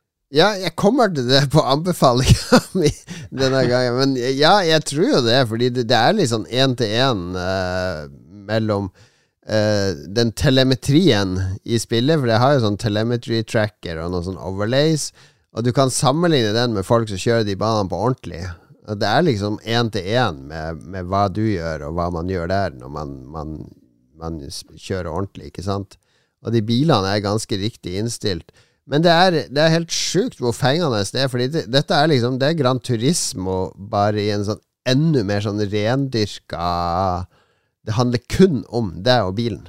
Uh, utelukkende. men nå- eh, har jo du kjørt mye i sånn, en Mazda MX5. Hva som skjer hvis du plutselig blir kasta inn i en Porsche 911, liksom, turbo? og- Nei, du må jo lære deg den bilen, ikke sant. Så jeg ser jo det, det som er litt kult med den kalenderen, er jo at de løpene er litt sånn recurring. Så det er sånn Masta-løp hver time. Uh, altså nå når jeg fikk D-license, så er det løp med en Toyota hver time, og så er det løp med, med en Porsche hver time. Løp med en sånn Formula V-car. Det er basically en sånn sigar-Formel 1-bil eh, som ikke har noe downforce i det hele tatt. Det er ekte sånne bitte små Formel 1-biler som folk driver og kjører. Eh, og det Jeg driver og øver på noen av de bilene og driver og mestrer de, ikke sant. De, de er litt annerledes. Men det jeg mangler, er jo en stikkskift. Det, det er jo neste oppgradering jeg må ha. Så jeg kan bruke clutch og, og manuelt gir på de bilene som har det. Vi må færre å kjøre gokart når vi er nede i Budapest. Uh, jeg har vært om én sånn halvdårlig gokart. kjøpesenteret der Ja. Ja, ja, det må vi. Er. Bordføringskjøpesenter. Det var verdens skumleste gokartbane, for du blir med noen sånne lugubre folk nede i sånne her kjøpesenter som er tomt. En sånn heis ned et forlatt kjøpesenter. Det gjør. Ja. Nei, men, men iRacing, jeg er helt heksta på det. Nå har jeg blitt en sånn race-sim-dude. Jeg driver og ser på om jeg skal registrere meg på en sånn nettside med sånne coacher som deler setups, oh, og, oh, og der, du, der du kan uh, få telemetridataen deres og sitte og sammenligne med din data, osv. Magisk. Gøy. Jeg liker det. Jeg, jeg, jeg omfavner den her hardcore racing-greia. Ja, det er moro. Absolutt. Mm. Du burde jo få deg en sånn tur med han eh, Lico på ekte kjøring, ikke der tulle-parkeringsplasskjøringa. Ja, kanskje det. Han Lico er jo helt forsvunnet etter disse dissa bi- bijobben hans, kanskje må lokke han tilbake. Vi skylder deg jo en 50-årsgave, Jon så vi får se hva vi får til. Ja. Kanskje vi kan kjøpe han en Mazda MX5 i 50-årsgave? Det Hvor, dyrt- hvor dyrt kan det være? Eh, Hva er det japanske GTR-greiene, eller hva det er? Det er jo ikke de som Skyline. Det er jo det som er tingen. Nissan, Sånn. Turismo. Var det, ja. Nissan Skyline. Åh, det hadde vært Nei, jeg, jeg har ikke så mye mer å si om det, men det kommer til å bli flere rapporter fra min iRacing-karriere eh, fremover. Ja. Ja. Så får bare holde ut. Vi skal holde ut Hmm, hva vi holdt på med, hva vi har spilt? Ja, Jesus. Ja, hvor du har spilt, Lars? jeg, jeg spilte sånn en halvtime til, uh, eller kanskje en time til Dead Space. For, uh, Det er jo, det er jo Resident Evil, liksom. Det er jo det jeg har funnet det ut, det. egentlig. Det, det virker helt OK. Jeg, jeg har spilt litt til, og ja, det er ikke gitt opp. Um, Det er ikke morsomt Men, å eh, drive og eh, skyte eh, sagblad og kappe av føttene på necromorphs og Jeg driver og klagde forrige gang om at det var liksom Når du skjøt dem, så følte, jeg ikke at det der våpenet funka som det skulle. Men nå når jeg har studert grafikken For jeg tror jeg har litt dårlig syn. Jeg har fått dårligere syn. Men jeg ser at det fær av liksom litt hud først. Så du må skyte de her kroppsdelene flere ganger før du liksom kan slice dem. Jeg er litt skuffa over den plasmagreia, at den ikke liksom tar kroppsdeler bare umiddelbart. Men du må liksom kjøre på. Men det er ganske vanskelig, det opplegget. da. Jeg driver og dør litt og sånt. Og, ja, Ja. det, ja, det er jo litt sånn her um, Det er jo sånn her, litt sånn gacha-felle der, hvor du bare må lære deg at OK, der står det den type fienden eh, som tar deg liksom første gangen du kommer dit, på en Mm. måte. Det er litt sånn så ja, jeg slutta å gidde å loade og sånn. Nå bare peiser jeg på, så kanskje jeg bare går tom for alt. Vi får se hvordan det går. Nei, det tror jeg ikke har noe å si. Ja, Det er bare å bruke alle ressursene du har. Bruke alt. Man kan jo skyte sånne røde tønner som eksploderer, og det er jo veldig fint. Så jeg prøver bare å stikke av og stille meg et sted hvor de går forbi tønner, og så skyte. I hvert fall der jeg er nå, da. Eh, Ja, du, du får et ganske betydelig arsenal av uh, våpen du kan eh, benytte deg av Mm. utover i spillet. Så det, jeg vil si at Dead Space blir enklere jo lenger du spiller, på en måte. Fordi Mm. du, får, du får større verktøykasse. Ja. Og så har jeg spilt mer Marvel Snap. Det begynte en ny sesong i dag. Uh, Into the Microcosm, eller noe sånt. Så det har jeg Ja. Into kjøpt. the micro helter, Ja, det er Antman, for det er vel noen nye Ah, Antman-greier på gang nå? ja, for det kommer vel en ny Ant-Man-film, Ja. The Quantum Realm, kaller jeg det. Quantum Mania. Mm. den kommer. Så, så det, er, det er Quantum Realm Å, det Shit. er eh, neste uke i Norge. Ah, ja. 15. februar. Ah, ja. Ny Antman-film. Ny Ant-Man. Aha. Ja, ja. Why not? Jeg endte opp på level eh, 60 noe um, på det der uh, sesonggreia. Du kan gå til gikk 100. det til 100, liksom? Du går til 100. Bare Det er 60 Lars. Ja. Jeg er Så- skuffa. Du har jo spilt det hver dag. Jeg vet at Johannes Utvåg, vår tidligere regjeringsmedlem, han har kommet over 70, men det er ganske bittert. Det er Han har, du, jo eh, du- han har jo vært i, regjeringa, så det er jo ikke rart. Kunne du, eh, kunne, kunne du betalt 500 kroner for å få de siste levelene, hvis du ville? Nei, nei da, det hjelper ikke. Kunne du ikke? Nei, nei, nei. nei. Vil du ikke kjøpe levels? nei. What? Det er jo veldig vanlig på sånne Battle Pass-løsninger. Ja, det var rart. Mm, spesielt. Nei, det du kan bruke penger på, det er kort, og du får jo de kortene uansett. hvis du Du kan ikke få en sånn her XP-boost som gjør at du får mer XP for å få Jo eh, Nei. Nei, jeg tror ikke det. Nei. Det er jo det er jo ikke pay to win i det hele tatt. Det er veldig Her er en skuffa. XP-boost, men det er bare på sånn collectible shit. Det er ikke den der eh, rankinga hvor du Ja, okay. god du er. Det, Mm. det får du ikke. Så det, ja, det er OK pay to win, eh, men jeg er veldig frista til å bruke sånn 1000 kroner på å liksom få enda flere kort og sånn, så jeg, jeg er jo litt sånn, har sånn whale-tendenser her. Farlige whale-tendenser. Ugh. Det er litt farlig. Ja, det er enormt heroinaktig, men det er veldig bra. Anbefales. Bare Snep! snap. Hvis noen lyttere ble level 100, så vil jeg høre det, for da er dere de flinkeste jeg vet om. De er, ja, jeg vil jo si det. La oss høre litt mer uh, drum and bass.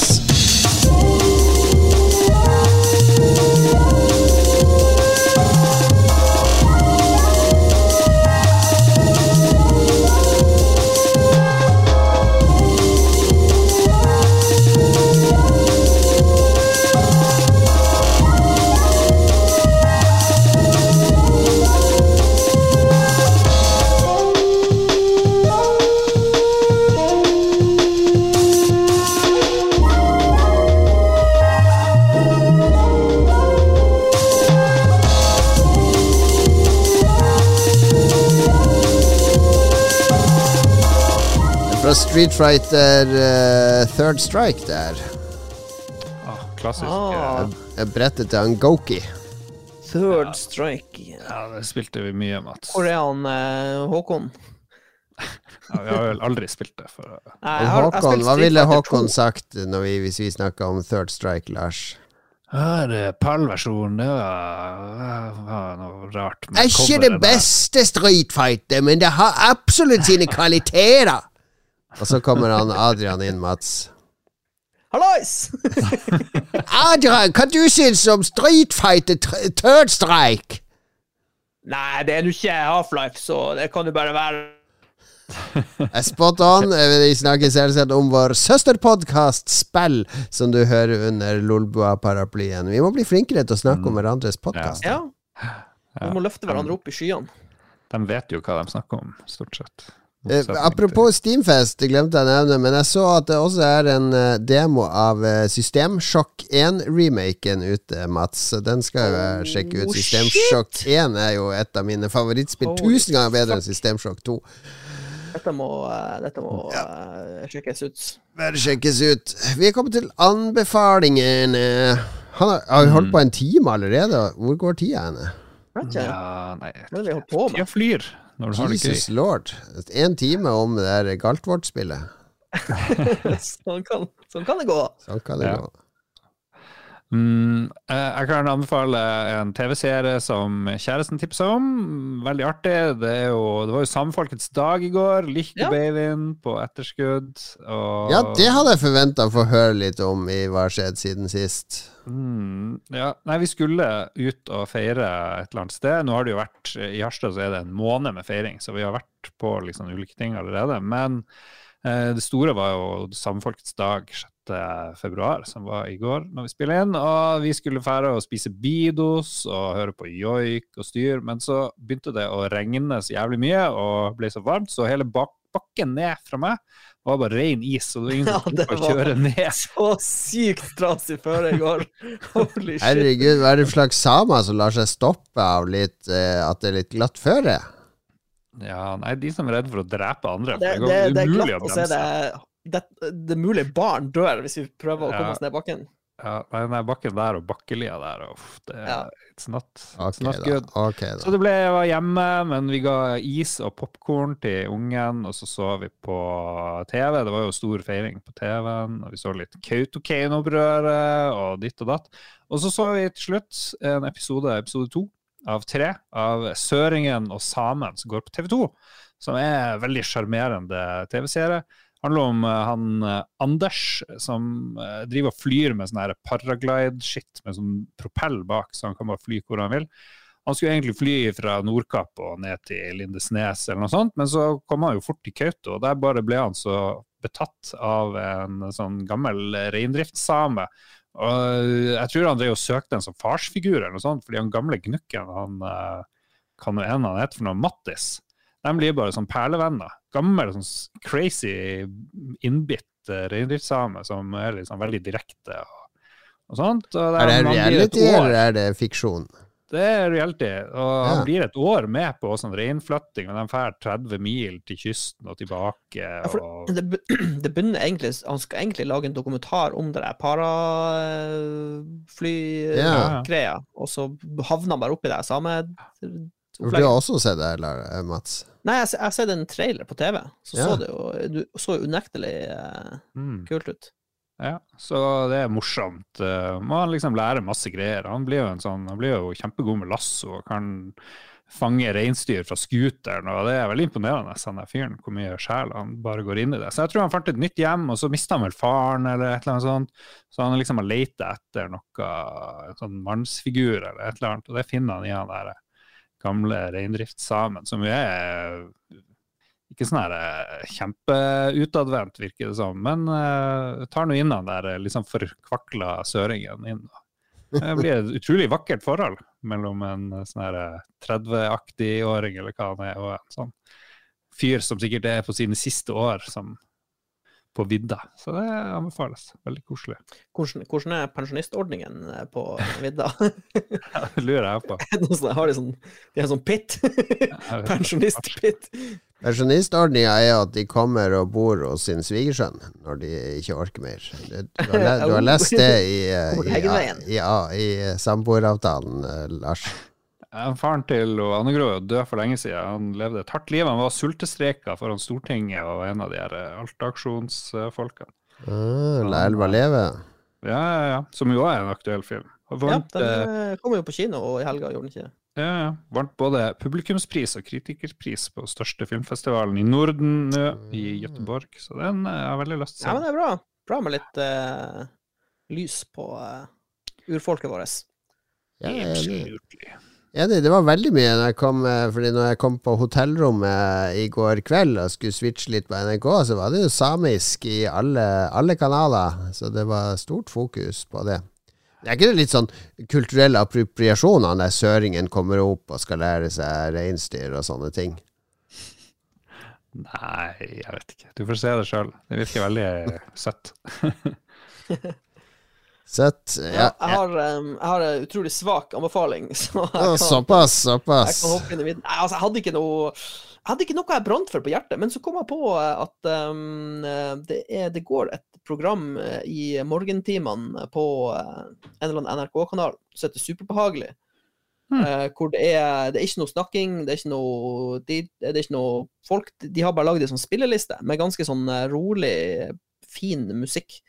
Så um, uh, jeg har endt opp med å høre på det her programmet flere ganger hvis jeg, hvis jeg skal kjøre tidlig til Setermoen eller til Narvik, eller hvis jeg skal kjøre en plass, og så bruker jeg alltid å sette på eh, P13 eller hvor det programmet går. For det, det er så utrolig behagelig å høre på det her mens du sitter i bilen. Og, og så ender det ofte opp med at jeg finner nye artister som jeg ikke har hørt om. Sånn som Skullcrusher og Phoebe Bridgers og, osv. så videre. Så ja, Mm. hvis du eh, vil ha rolig musikk i ørekanalene, så kan du gå på eh, radio.nrk.no og finne Superbehagelig. Så ligger alle programmene deres der. Superbehagelig. Superbehagelig. Så det var en kort, kort anbefaling eh, fra meg her. Ja, det kan være greit. Jeg husker det var en sånn DJ før som hadde det programmet som eh, NRK ikke ville ha lenger, så det var litt kontroverser da, for han hadde liksom hatt det programmet i mange, mange år. Ah, ja. Og da var det mer, da var det mer sånn rolig elektronika-lounge-musikk. Eh, ja, for nå har, har de pop og alt. ja. Men det er jo et sånt, det er jo et sånt lite tema gjennom eh, all musikken. Det er det Ja, absolutt. Nei, det er sånn søndagsmorgen-program. Ja, veldig. litt sånn våkne, våkne rolig og forsiktig. Ja, men det er jo lov, det. Lov, det er mange ja. som ja, så har det- det er fin, fin kilde til å finne ny musikk òg. mm. Ja, jeg er enig. Det, det er eh, vel verdt å, å sjekke ut. Jeg har det på på søndagsmorgenen jeg òg, når jeg står opp og tømmer oppvaskmaskinen og sånne Ja, ikke ting. sant? Så er det Du er, en du er en kjenner. Ja, jeg foretrekker det, fordi lørdagen nå Jeg liker å ha på radio når jeg står opp. Og lørdagen når jeg står opp, jeg har vært ute og, og sykla eller eh, løpt til bakeren og kjøpt brød og sånn, kommer hjem, og har på, så er det alltid sånn reprise av Stjernepose. Jeg liker jo Stjernepose òg, det er artig program, men det er ikke det du vil ha på morgenen, fordi det er det der eh, Tormod! Og så kommer dette bandet! Det er en Kiss! Det er, det er, han er Kiss! Og det, du skal gi deg strøm! Altså, det er to eh, bergensere ikke sant, som roper og skriker. det- de, de snakker mye. Ja, det er et bra program. Det er et bra program, Men det er ikke et morgenprogram. Det er ikke et morgenprogram. Du, du må ha litt energi eh, sammen med de bergenserne når du hører på det. Men ja, apropos det der med hvis du blir god i iRacing og sånn, blir god å kjøre bil, fordi jeg begynte å se på YouTube um, Ja! eh, Michael Fassbender Road to Le Mans. Yes! Fordi han er vel sponsa av Porsche. Ja, stemmer. Det er laga av Porsche. Det er en sånn YouTube-serie som er i fjerde sesongen nå. Det som er gøy, er at sesongene blir bare lengre og lengre. For Den første sesongen er bare sånn her eh, hver episode under ti minutter, med han fastbender som skal kjøre løp med en Porsche. Eh, det det er tydelig at de bare har to karer med kamera eller et eller annet og filmer litt her og der og tar noen intervjuer, og så blir det bedre og bedre produksjon jo lenger du ser. Eh, Fordi han Michael Fassbender er jo kjent skuespiller. Han var vel med i den der Alien Flop-filmen, hva den het. Den der eh, side Prometheus. Ja, Ja, og Assassin's Prometheus. Creed og ja, altså, han har vært med i masse var A-filmer Magneto. og B-filmer. Han er Liverpool-fan. Min eh, svigerbror har faktisk møtt han på Liverpool-kamp en gang. Eh, han virker som en ok fyr, og han er veldig interessert i motorsport. Så sammen med Porsche så har han fått muligheten til å være med på et sånt Porsche-lag i en sånn her Porsche Cup. Så de driver og kjører på Spa og Hockenheim og masse kjente baner. Det er jo masse sånne forskjellige eh, motorsportligaer og cuper der han er på lag med en annen dude. Uh, og det følger liksom hans reise da mot Le Mans. Det er jo det den heter, Road to Le Mans, fordi drømmen er liksom å fullføre det 24-timersløpet sammen med en partner. Og uh, det er fascinerende, da, fordi for det, for det, første så er han jo gammel, han er jo over 40, ikke sant, så det gir jo håp for sånne gamlinger som oss. At det er fortsatt mulig å, å, å gjøre det vi gjør virtuelt, ekte. Altså er han veldig fokusert, og så er det kule folk rundt han, og så er det det som er at jeg har den der virtuelle racingbesettelsen som jeg har begynt å få nå, det gjør jo at jeg, jeg ser jo på biler på Jeg er fortsatt ikke noe interessert i privatbiler. Å vite forskjellen mellom en uh, ja, ja, privat Ja, det bryr meg ikke så mye, men disse racing-sportsbilene, når du begynner å tune mot det, der har jeg faktisk begynt å få en genuin interesse for forskjellene på de, og motorer og sånne ting. Så, og denne dokumentaren her er veldig sånn der tilgjengelig. Uh, og den går fort inn og ut av banene, og kjenner jo igjen banene. Det er jo baner du har spilt i Gran Turismo og andre steder. Og, nei, det, det, er veldig fin sånn der å ha på når du spiser, denne dokumentaren. Ja, det, den bakgrunnsdokumentaren. Fantastisk, den, uh, fantastisk serie. Det var det. Beklager at jeg er blitt sånn motorhead. Hvor skal du stå den her serien, for oss som ikke Den går på YouTube. YouTube. Ah, ja. YouTube. Så bare søk på Road to Le Mans, så er det sånn spilleliste for hver sesong. Så det er bare å begynne på den første.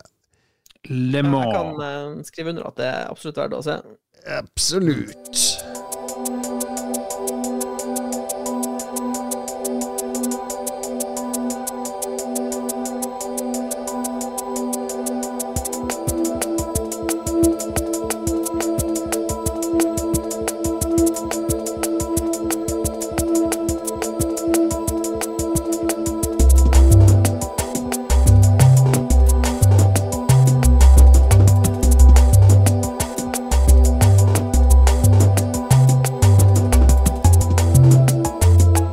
Dette spillet er det første PlayStation-spillet som eh, eh, krevde at du hadde en dual sjokk-kontroller.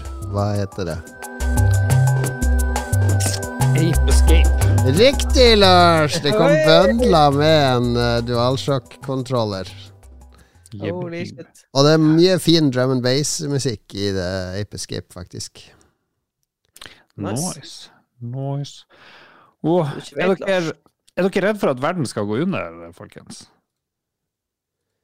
Egentlig ikke. Ikke noe fordi, mer enn forrige uke. nei, det er ikke noe jeg har kontroll over uansett. Ja, det er FN-sjefen, jeg husker ikke hva generalsekretæren heter nå engang, men han sier jo at nå stiller de den her klokka som viser hvor nært er vi dommedag. Den er enda nærmere eh, eksplosivitet.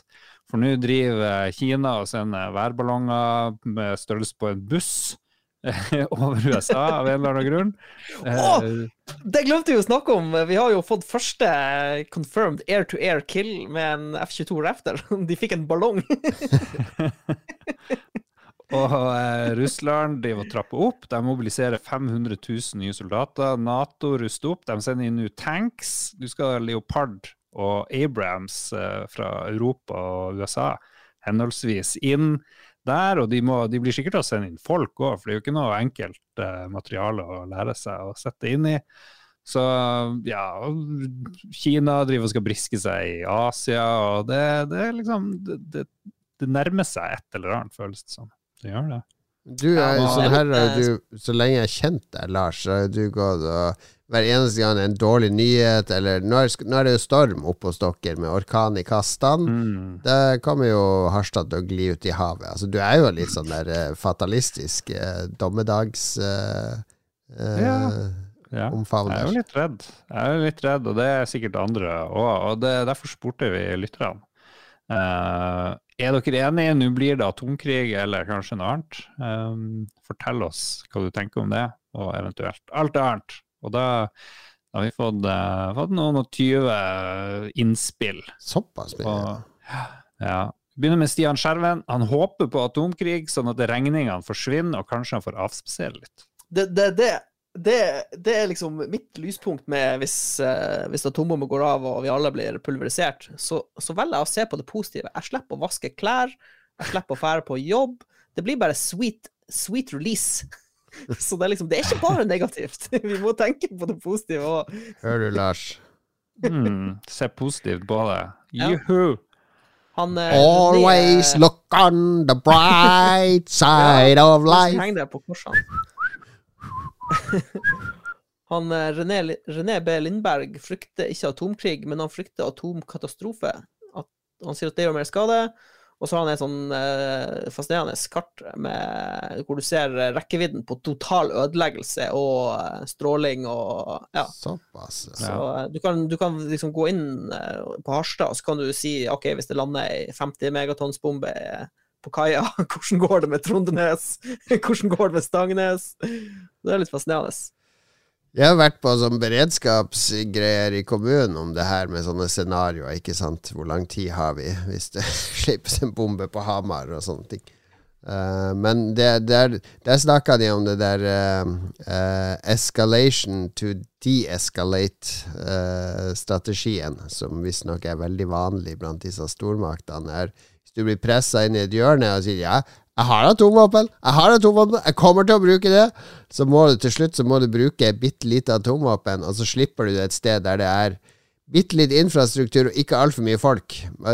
Drepe noen hundre, eh, kanskje noen tusen, for å vise at du er villig til å bruke det, fordi da eskalerer du, og så blir det med en gang Nei, nei, vi må snakke om fred! Slutt, slutt! Stopp, stopp! Ikke sant? Så det er escalate, escalation to de-escalate.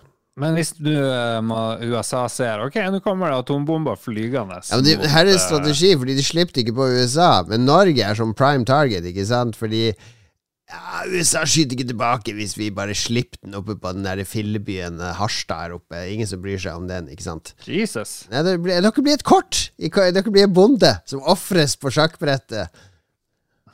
Så du mener at USA blir ikke å fyre løs med um, en gang de ser uh, atomvåpnene? Nei, de tror du det? Tror du han der Biden har kontroll over hvor den ekte atomknappen er? Han roter rundt der «Uh, the- uh, I, I remember the button was somewhere here.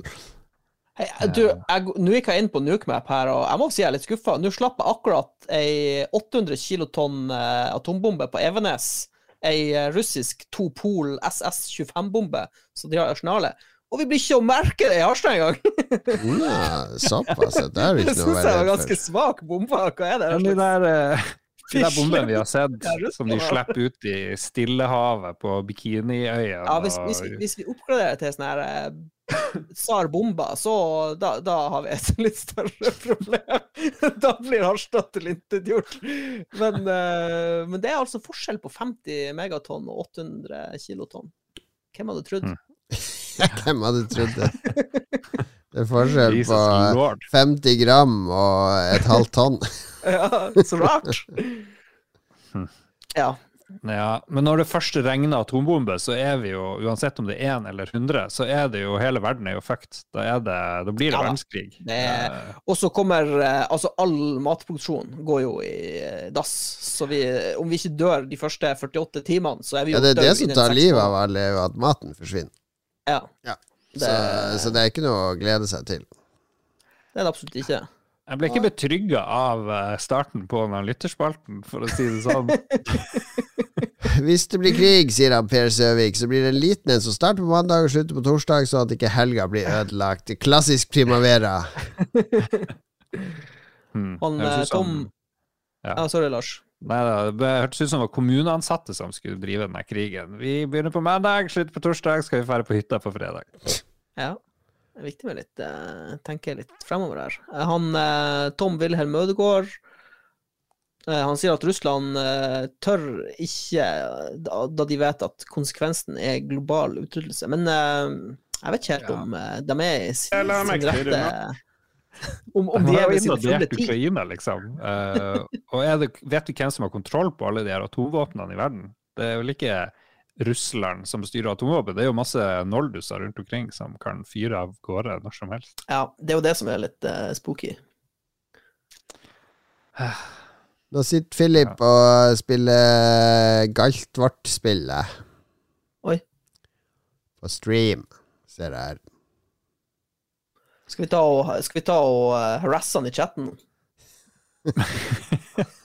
skal vi cancele han i chatten? Hva er det du holder på med? Hva Ja. melder om at, eh, om at Hogwarts Legacy er øverst på Twitch nå, med 1,1 millioner viewers? Såpass, ja. Såpass, ja. Så det går bra, bra med Harry Potter. ja. Det er jo et kjært, kjært merkenavn til tross for skaperen. Eh, Ja. Kian sier Fear is the path to the dark side. Fear leads to anger. Anger leads to hate. Hate leads to suffering. Et lite Yoda-sitat. Mm. Ja, det er det han sier. Fear is the path to the dark side. Fear leads to anger. Anger leads to hate. Hate leads to suffering. Mm. Suffer you must. Mm. Yes. Veldig bra Yoda. Yoda, han Min- nailer. Solid, favoritt- solid kammer. Min favoritt-Yoda-scene er når han Arthur Dito prøver å ta noe mat fra en Yoda. Eller hva han Yoda bare slår han med staven. Og så slår han med staven. Min favoritt Artudito-scene Det er når eh, du treffer riktig på flipperen, og så bare Mm. Extra ball you have. nice. uh, han Philip sier bare nei. Han tror ikke på Eller han er ikke, han er ikke redd. Det er jo ikke noe å være redd for. Altså, det du er redd for, Lars, er jo å dø. Mm, jeg er mer redd for å lide masse, og så dør jeg. Det, det kan Mats Du kan inngå en pakt med Mats, ikke sant? Bomba kommer, å nei, det går inn Mats kommer inn, boom! Da slipper du Hvis du er redd for lidelsen, så slipper du det. Mats fikser det for deg. Jeg har ikke lyst til å bli skutt ned av Mats heller. Nei, ikke noe vi, kan, eh, vi, kan, eh, vi kan sette fyr på eh, låven, Lars, og så legger vi oss nederst under gresset. Mm. Det hørtes egentlig jævlig ut, det òg. Faen, hvor mørkt. Det brenner- er brenner opp sakte. Ah, Kristoffer Darkness. Getbus Hansen Leistad Nei, det skulle vi ikke si. Glem det siste. Uh, han Kristoffer er ikke redd for det, for atomkrigen blir avbrutt når Ståle sier 'da bomb'. Baldvinsson går videre i The Voice, og alle kan være venner. Ja. Jeg støtter den eh, alle blir venner-slutten. Hmm. Han Ståle eh, sier at det viktigste er at vi kan kose oss med Hogwarts Legacy i bunkrene våre. Holy shit. Oh, shit. Han, er, han er ikke redd for å bli Altså, han lagde ut et bilde av eh, Steam-versjonen av Hogwarts, fordi Steam har jo åpna for user-defined tags, ikke sant? Alle spill har jo tags, så at man skal kunne Jeg liker spill som som handler om, eh, om kolonisering, eksempel. Og så kan du få en liste over alle spill som, som brukere har tagga med 'colonization'. Men på Hogwarts så er det mange artige brukere som har tagga det med 'villain protagonist' og 'capitalism' og 'genocide simulator' og uh, litt spenstige tags som Warner Bros måtte rydde opp i. Hmm. Og så kommer det et interessant innspill fra Marius Hokland, uh, Jon Cato. Ja, han uh, Jeg gidder ikke det her lange Gidder ikke det greiene. her. Ja, men jeg har lest eh, det. Marius er jo sånn kompis av deg, ikke sant? du kan Det her- ja, det er kompis av deg, Lars. Ja, vi kan oppsummere. Eh, han sier jo at uh, ref forrige episode, da jeg uh, slegga Spacequest for å bare selge 200 000, så han sier at eh, Mario, 80-tallets store vinner, solgte 40 millioner. Men han trekker i tvil de tallene, fordi da han var syv og åtte år gammel, så, så eh, piratkopierte han jo eh, det her Spacequest, så han mener at eh, det, her, eh, det her spillet hadde mye større rekkevidde enn liksom, offisielle salgstall. Og han mener at det samme gjelder for Commodore 64, Amiga og andre PC-spill. Jo, men det er et godt poeng, egentlig. Ja. Så hvor mange millioner eh, kopier var det egentlig av Space Quest? Eh, kan det ha vært for at åtte år gamle Marius spilte det på en, eh, en eh, greie i Harstad i 86? Så hva var det egentlig største spillet på 80-tallet? Det, det er jo bare tull, det Marius sier, ikke sant? Hvor mange Commodore 64-maskiner ble det solgt? 100 millioner? Det Nei, sø- det mellom 12 og 17 millioner Commodore 64-maskiner blir 100 produsert. millioner. Ikke sant? Så, så det, det, det blir jo ikke 40 millioner som Nei, har spilt Space Quest på Commodore Jeg tror heller han vil at, eh, at du skal gange det med fem eller ti, liksom. Jeg tror det var det som var tankegangen. Ja da, det kan du sikkert gjøre, men det kan du også gjøre med Mario, for jeg kjøpte aldri Mario på Nintendo 8-bits eller Super Nintendo, men jeg spilte det hos lillebroren til kompisen min, så du kan også gange det opp, antall solgte enheter, med hvor mange som har spilt det der òg, eh, via venner, ikke sant? Det gjelder sikkert dere òg. Ja, jeg hadde, jeg hadde ikke NES 8-bit, Nei, nei. men søskenbarnet mitt hadde det. Så jeg spilte, jeg spilte Mario gjennom hodet. Ja, så jeg tror logikken faller litt her, for disse spillene har blitt spilt mye mer enn de har solgt, enten det er på konsollen Jeg husker jo, for, jeg leide jo til og med en Nintendo 8-bits på videosjappa.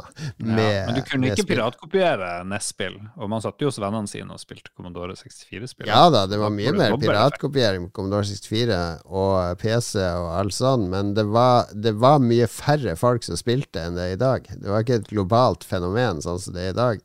Jeg så at Red Dead Redemption 2 for eksempel har jo solgt 50 millioner enheter nå. Uh, og det Hvis du ser på at det var, fantes 12,5 millioner Commodore 64-maskiner, så kan du jo tenke deg hvor mange flere mennesker som spiller nå. Ja, det er jo flere nå, men eh, ja, ja, ja, ja. Ja, ja, ja. ja.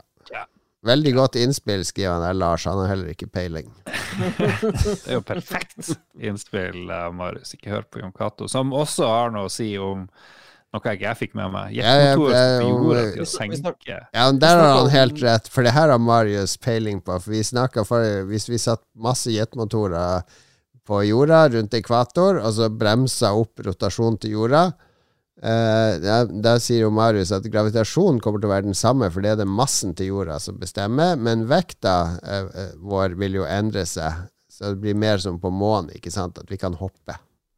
Mm. OK, sentrifugal Altså Name-droppa han til og med Konrad Ytterstad. Han var min fysikklærer.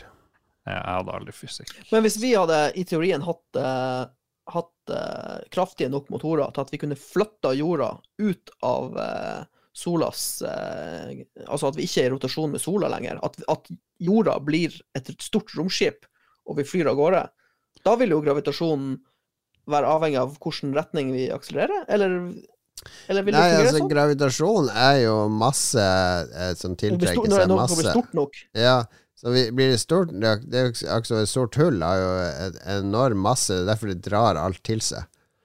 Ja. Ja. Så hvis, hvis, hvis jorda ble et Hvis vi hadde eh, motorer som var kraftige nok Ja, hvis du, Mats, hadde vært enormt svær og feit, og Lars også, så hadde dere, når dere går bortover veien, eh, blitt dratt mot hverandre. Det er det som er greia. Det har ikke noe med rotasjon eller noe sånt å gjøre. Nei, nei men jeg bare, jeg bare lurer på hva ville skjedd på jorda hvis jorda faktisk ble et stort romskip med motorer, og for av det kan Marius svare på til neste episode. Det, Men, jeg, men var det her uh, ruffelbua? For jeg kan ikke huske at dere snakka om det her i forrige Lolbua. Jo, vi prata om det når du satt på telefonen og googla hestkuk. Hestkuk, politiker. Hvem sa? All right, all right. Ok, vi går videre. Han eh, Thomas Holmedal eh, Han vet ikke om atomkrig, men Pokémon er glorifisert hundekamp. Og hva syns vi om det? Ja, det må man ta et standpunkt. Hvis man spiller Pokémon, så støtter man cockfighting og, og hundekamp. Sånn er det bare. Ja. Men eh, hvis de er intelligente vesen, er det ikke mer som gladiatorkamp, da? Hvis de kan snakke og De kan jo ikke snakke. Det er jo så at du bare kunne si Mats. Ikke sant? De kan jo bare si navnet sitt. Jo, men han snakka jo i filmen masse med stemmen til han eh, Ryan Reynolds. Ja, men den er ikke Hva heter det? Den er ikke, Kanon. Ikke det er ikke Kanon. Ah, shit. Ja, okay, ja, da, jeg kan veldig litt om Pokémon, skjønner du. Ja, de kan bare si navnet sitt. Så hvis du for eksempel er Bulbasaur, så kan han bare si Bulbasaur, Bulbasaur, Bulbasaur. Veldig begrensa intelligens. Ja. Mm. Har de følelser? Ja, det vil jeg si. Ja, jeg føler det har noe med IQ-en å gjøre, om det, om det er hunde, hundekamp eller gladiatorkamp. Ja, Mm. boksekamp, Ja, men da. jeg, Kan, eh, hvis, de kan, hvis de kan gi sitt samtykke til å delta i, i gladiator, eller kampene, så må det jo være en slags jeg vet ikke om gladiatorene ga sitt samtykke. Nei, de var jo slaver. Ja. Men nå snakker vi om moderne men han, moderne- eieren, eieren til gladiatoren ga samtykke. Ja. Joakim Strandberg frykter økte priser på øl. Det er Ja. det han er redd for. Jeg er mer redd for det enn atomkrig. Jesus. Han eh, Audun Selsvold eh, sier at guttungen eh, som heter Even, lurer på om det fins andre gode norske youtubere enn Ad Adexio. Han er helt hekta. Jeg må innrømme at mine, mine norske youtuberlår er Fins det noen Kritisk gode samiske youtubere? hallo, hallo Lars? Mm, jeg vet ikke, men jeg vet at eh, NRK Sápmi har en sånn ungdomsredaksjon. De er veldig artige, men du må skjønne samisk, og det gjør ikke jeg. De virker veldig kule. Eller så Sånn tror jeg, jeg, jeg tror det er feen på, eh, på Good Luck Guys. eh, hun er en god youtuber for barn. Å, herregud. Hun ser ut som hun er to uker fra å sulte i hjel, men uh, greit nok. Ja, han eh, Erlend eh, Veldig stille. Erlend Nettum eh, han frykter heller ikke noe atomkrig, men han frykter at vi ikke bidrar nok overfor Ukraina til at de kan kaste ut Russland, inkludert for Krim, sånn at resultatet ender opp med å bli evig krig. Og et sånt resultat vil være grønt lys for andre stater som tenker det kunne vært kjekt å ta en bit av naboen. Tenker han sikkert på Taiwan og, og Kina. Ja, eller oss. For det er jo, Ja, eller hadde ikke vært greit å ta litt av Skåne, for eksempel. Ja, ta, ta over uh, Spitsbergen, kanskje. Ja. For eksempel. Nei, jeg er helt enig. Det er kritisk at Ukraina klarer å kaste russerne på dør. Det er, for hele Vesten er det eh, veldig, veldig viktig. Så jeg sier send, send alle leopardvognene våre. Send alt vi har. Vi trenger det ikke her i Norge. Det er bare å få det, få det ned dit. Drep alle russerne som er i Ukraina nå. Ingen nåde. Til siste mann. Var det voldsomt, Mats? Jo, men det, det må, de må få dem bort. Det er, det er de som var invadert. Hva med alle russerne som bor i Ukraina fra før av? Tror dere dem Ja, du snakker snakka blir om sånn eh, soldater som slåss, da. Ja. Ja. Det blir noen bra eh, filmer om russere i Jeg tror det blir Ukraina. noe, det, det blir noe, jeg tror det blir noe kleine slektstreff om eh, ti år. Ja. Vegard Lindland sier at blå poteter er ekle. Og endelig noe sånn litt happy innspill her. Jesus Ja, men Lars, du, må, du kan ikke spørre om dommedagskommentarer og så bli lei deg når du får dommedagskommentarer. Nei, helt rett. Jeg har ikke jeg du- bare lyst til å legge meg her. Ja. Men blå poteter er jo noe som fins. Ja. Blå Kongo. Det er ikke noe sånn jeg felle at hvis jeg googler blå potet, Jo, så får nei, jeg sånn bare google det, fordi blå er- Kongo er den mest eh, vanlige blå poteten. Blå Kongo. Høres Det ser jo helt forferdelig ut når du har delt den i to. Det ser ut som en Det rått. Det der ser ikke bra ut. Det skal motvirke kreft, diabetes, nevrologiske sykdommer, positiv effekt på blodtrykk og blodomløp. Det må jo smake. Vet du hva, Jeg har fått kontakt med en fyr som sverger til at D-vitamin har gjort han mye friskere. Så nå skal jeg begynne på sånn her 80 UG uh, D-vitamin. Ja, men det hjelper når det blir atomkrig. Ja, Hva jeg skal være hva er greia med D-vitamin? Nei, D-vit- vi, det er veldig mange, spesielt i Norge, så er det jo ikke sol eh, på vinteren her. Så masse sånne her, eh, humørting med han, og rygg. Han har fått blitt bedre i ryggen til og med. Og alt mulig. Må, kanskje man bør sjekke litt kilder, men eh, jeg har trua, trua på D-vitamin. Det hjalp i hvert fall mot korona, gjorde ikke det? Det var jo masse sånn her, spis D-vitamin. Ja. Så Ta og. Bestill litt til meg òg, Lars, hvis du er i gang. Jeg skal, jeg skal gjøre det, for det finnes sånn her eh, D-vitamin i olje som visstnok tas opp veldig bra. og Det, det, Vi hadde en skal- siste kommentar her før vi eh, forlater helt. Ja. Han, han Marius eh, skyter inn at han har spilt alt av Fallout, så han er godt forberedt. Vår venn Marius Skogeker. Ja, det burde jo være det. Vi har vel hatt episoder før det vi har snakka om hvilke spill vi kan spille for å forberede oss på apokalypsen. Mm. Vi lar det ligge der. Nå har vi holdt på lenge nok. Eh, Vi må takke produsentene, og dere må takke de som at dere er seleksjonshatten i Harry Potter, og tildele de hus. eh, Ravnklo eller Hufflepuff Hufflepuff eller Gryffindor eller Smygar. Nå kan vi dikte opp egne Jeg kan dikte opp egne hus, fordi dette er jo Lolbua-hatten, så de havner jo enten i hus spill, hus ragequit, hus uh, Hva er det de heter, alle podkaster? Hus Lico og Gjeddas univers. Det er et ganske sånn dødt hus. og hus Lolbua. Så dere får tildele de noen hus, og så må dere snakke med den mystiske eh, seleksjonshatten-stemmen. Lars, du kan begynne. Eh, ja. Nå putter vi en hatt oppå hodet på TTMX MP, og hatten begynner å prate til ham. Hallo, TTMXMP. Jeg ser i din sjel. Du skal være rett inn i spillrevyen og vekke den opp fra de døde. Jeg kan så mye om spill. Da er det Duke Jarlsberg som får på seg hatten. Duke Jarlsberg, de må dessverre øyeblikkelig reise til kommentarfeltet til Ragequit og bo der for evig tid. Beklager for det. Og hva med Mm. Bjuslo, Lars? Å, hallo, Bjøslo. Du er så flink. Du er så flink med alt her i verden, så du skal få være bli Lolbakk og eliten. Ja, hva med Tommelund, da, Mats?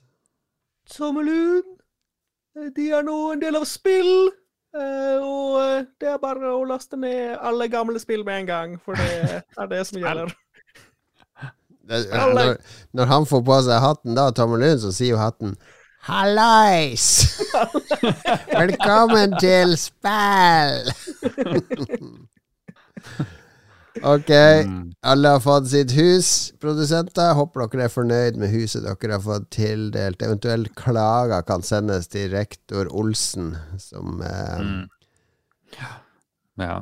Kanskje Husk å, eh, husk å joine eh, Lolbo Entourage. Det kommer nye medlemmer hver uke. Det blir sånn resurrection der. Og uh, Og hør på spill. er også verdt Ja. å sjekke ut. Spør noen om å bli med i discorden. Bli Patrion, da kan du bli med i, i eh, eh, Snapchat-tieren. Der er det mye greier. Dag Thomas deler sånne helt ferdelige ting. Går det bra med han?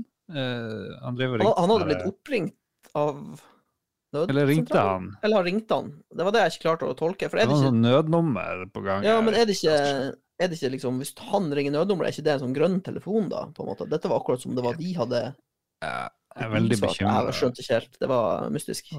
Dag Det er mulig han er på- død, faktisk. Ja, og, og så videre. Hør på alle podkastene i verden, spesielt de som er tilknytta oss.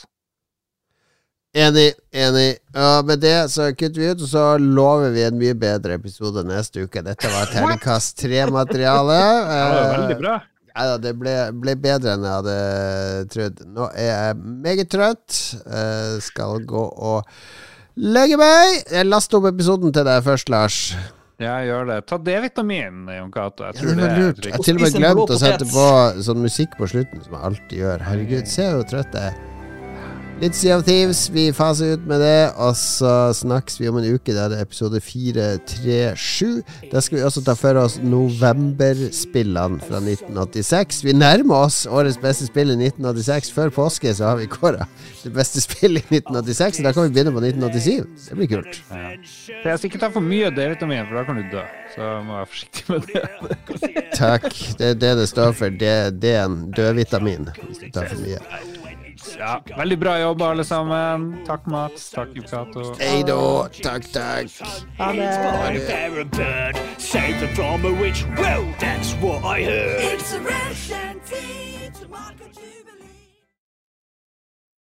Har du et enkeltpersonforetak eller en liten bedrift? Da er du sikkert lei av å høre meg snakke om hvor enkelt det er med kvitteringer og bilag i fiken, så vi eh, gir oss her, vi. Fordi vi liker enkelt. Fiken superenkelt regnskap.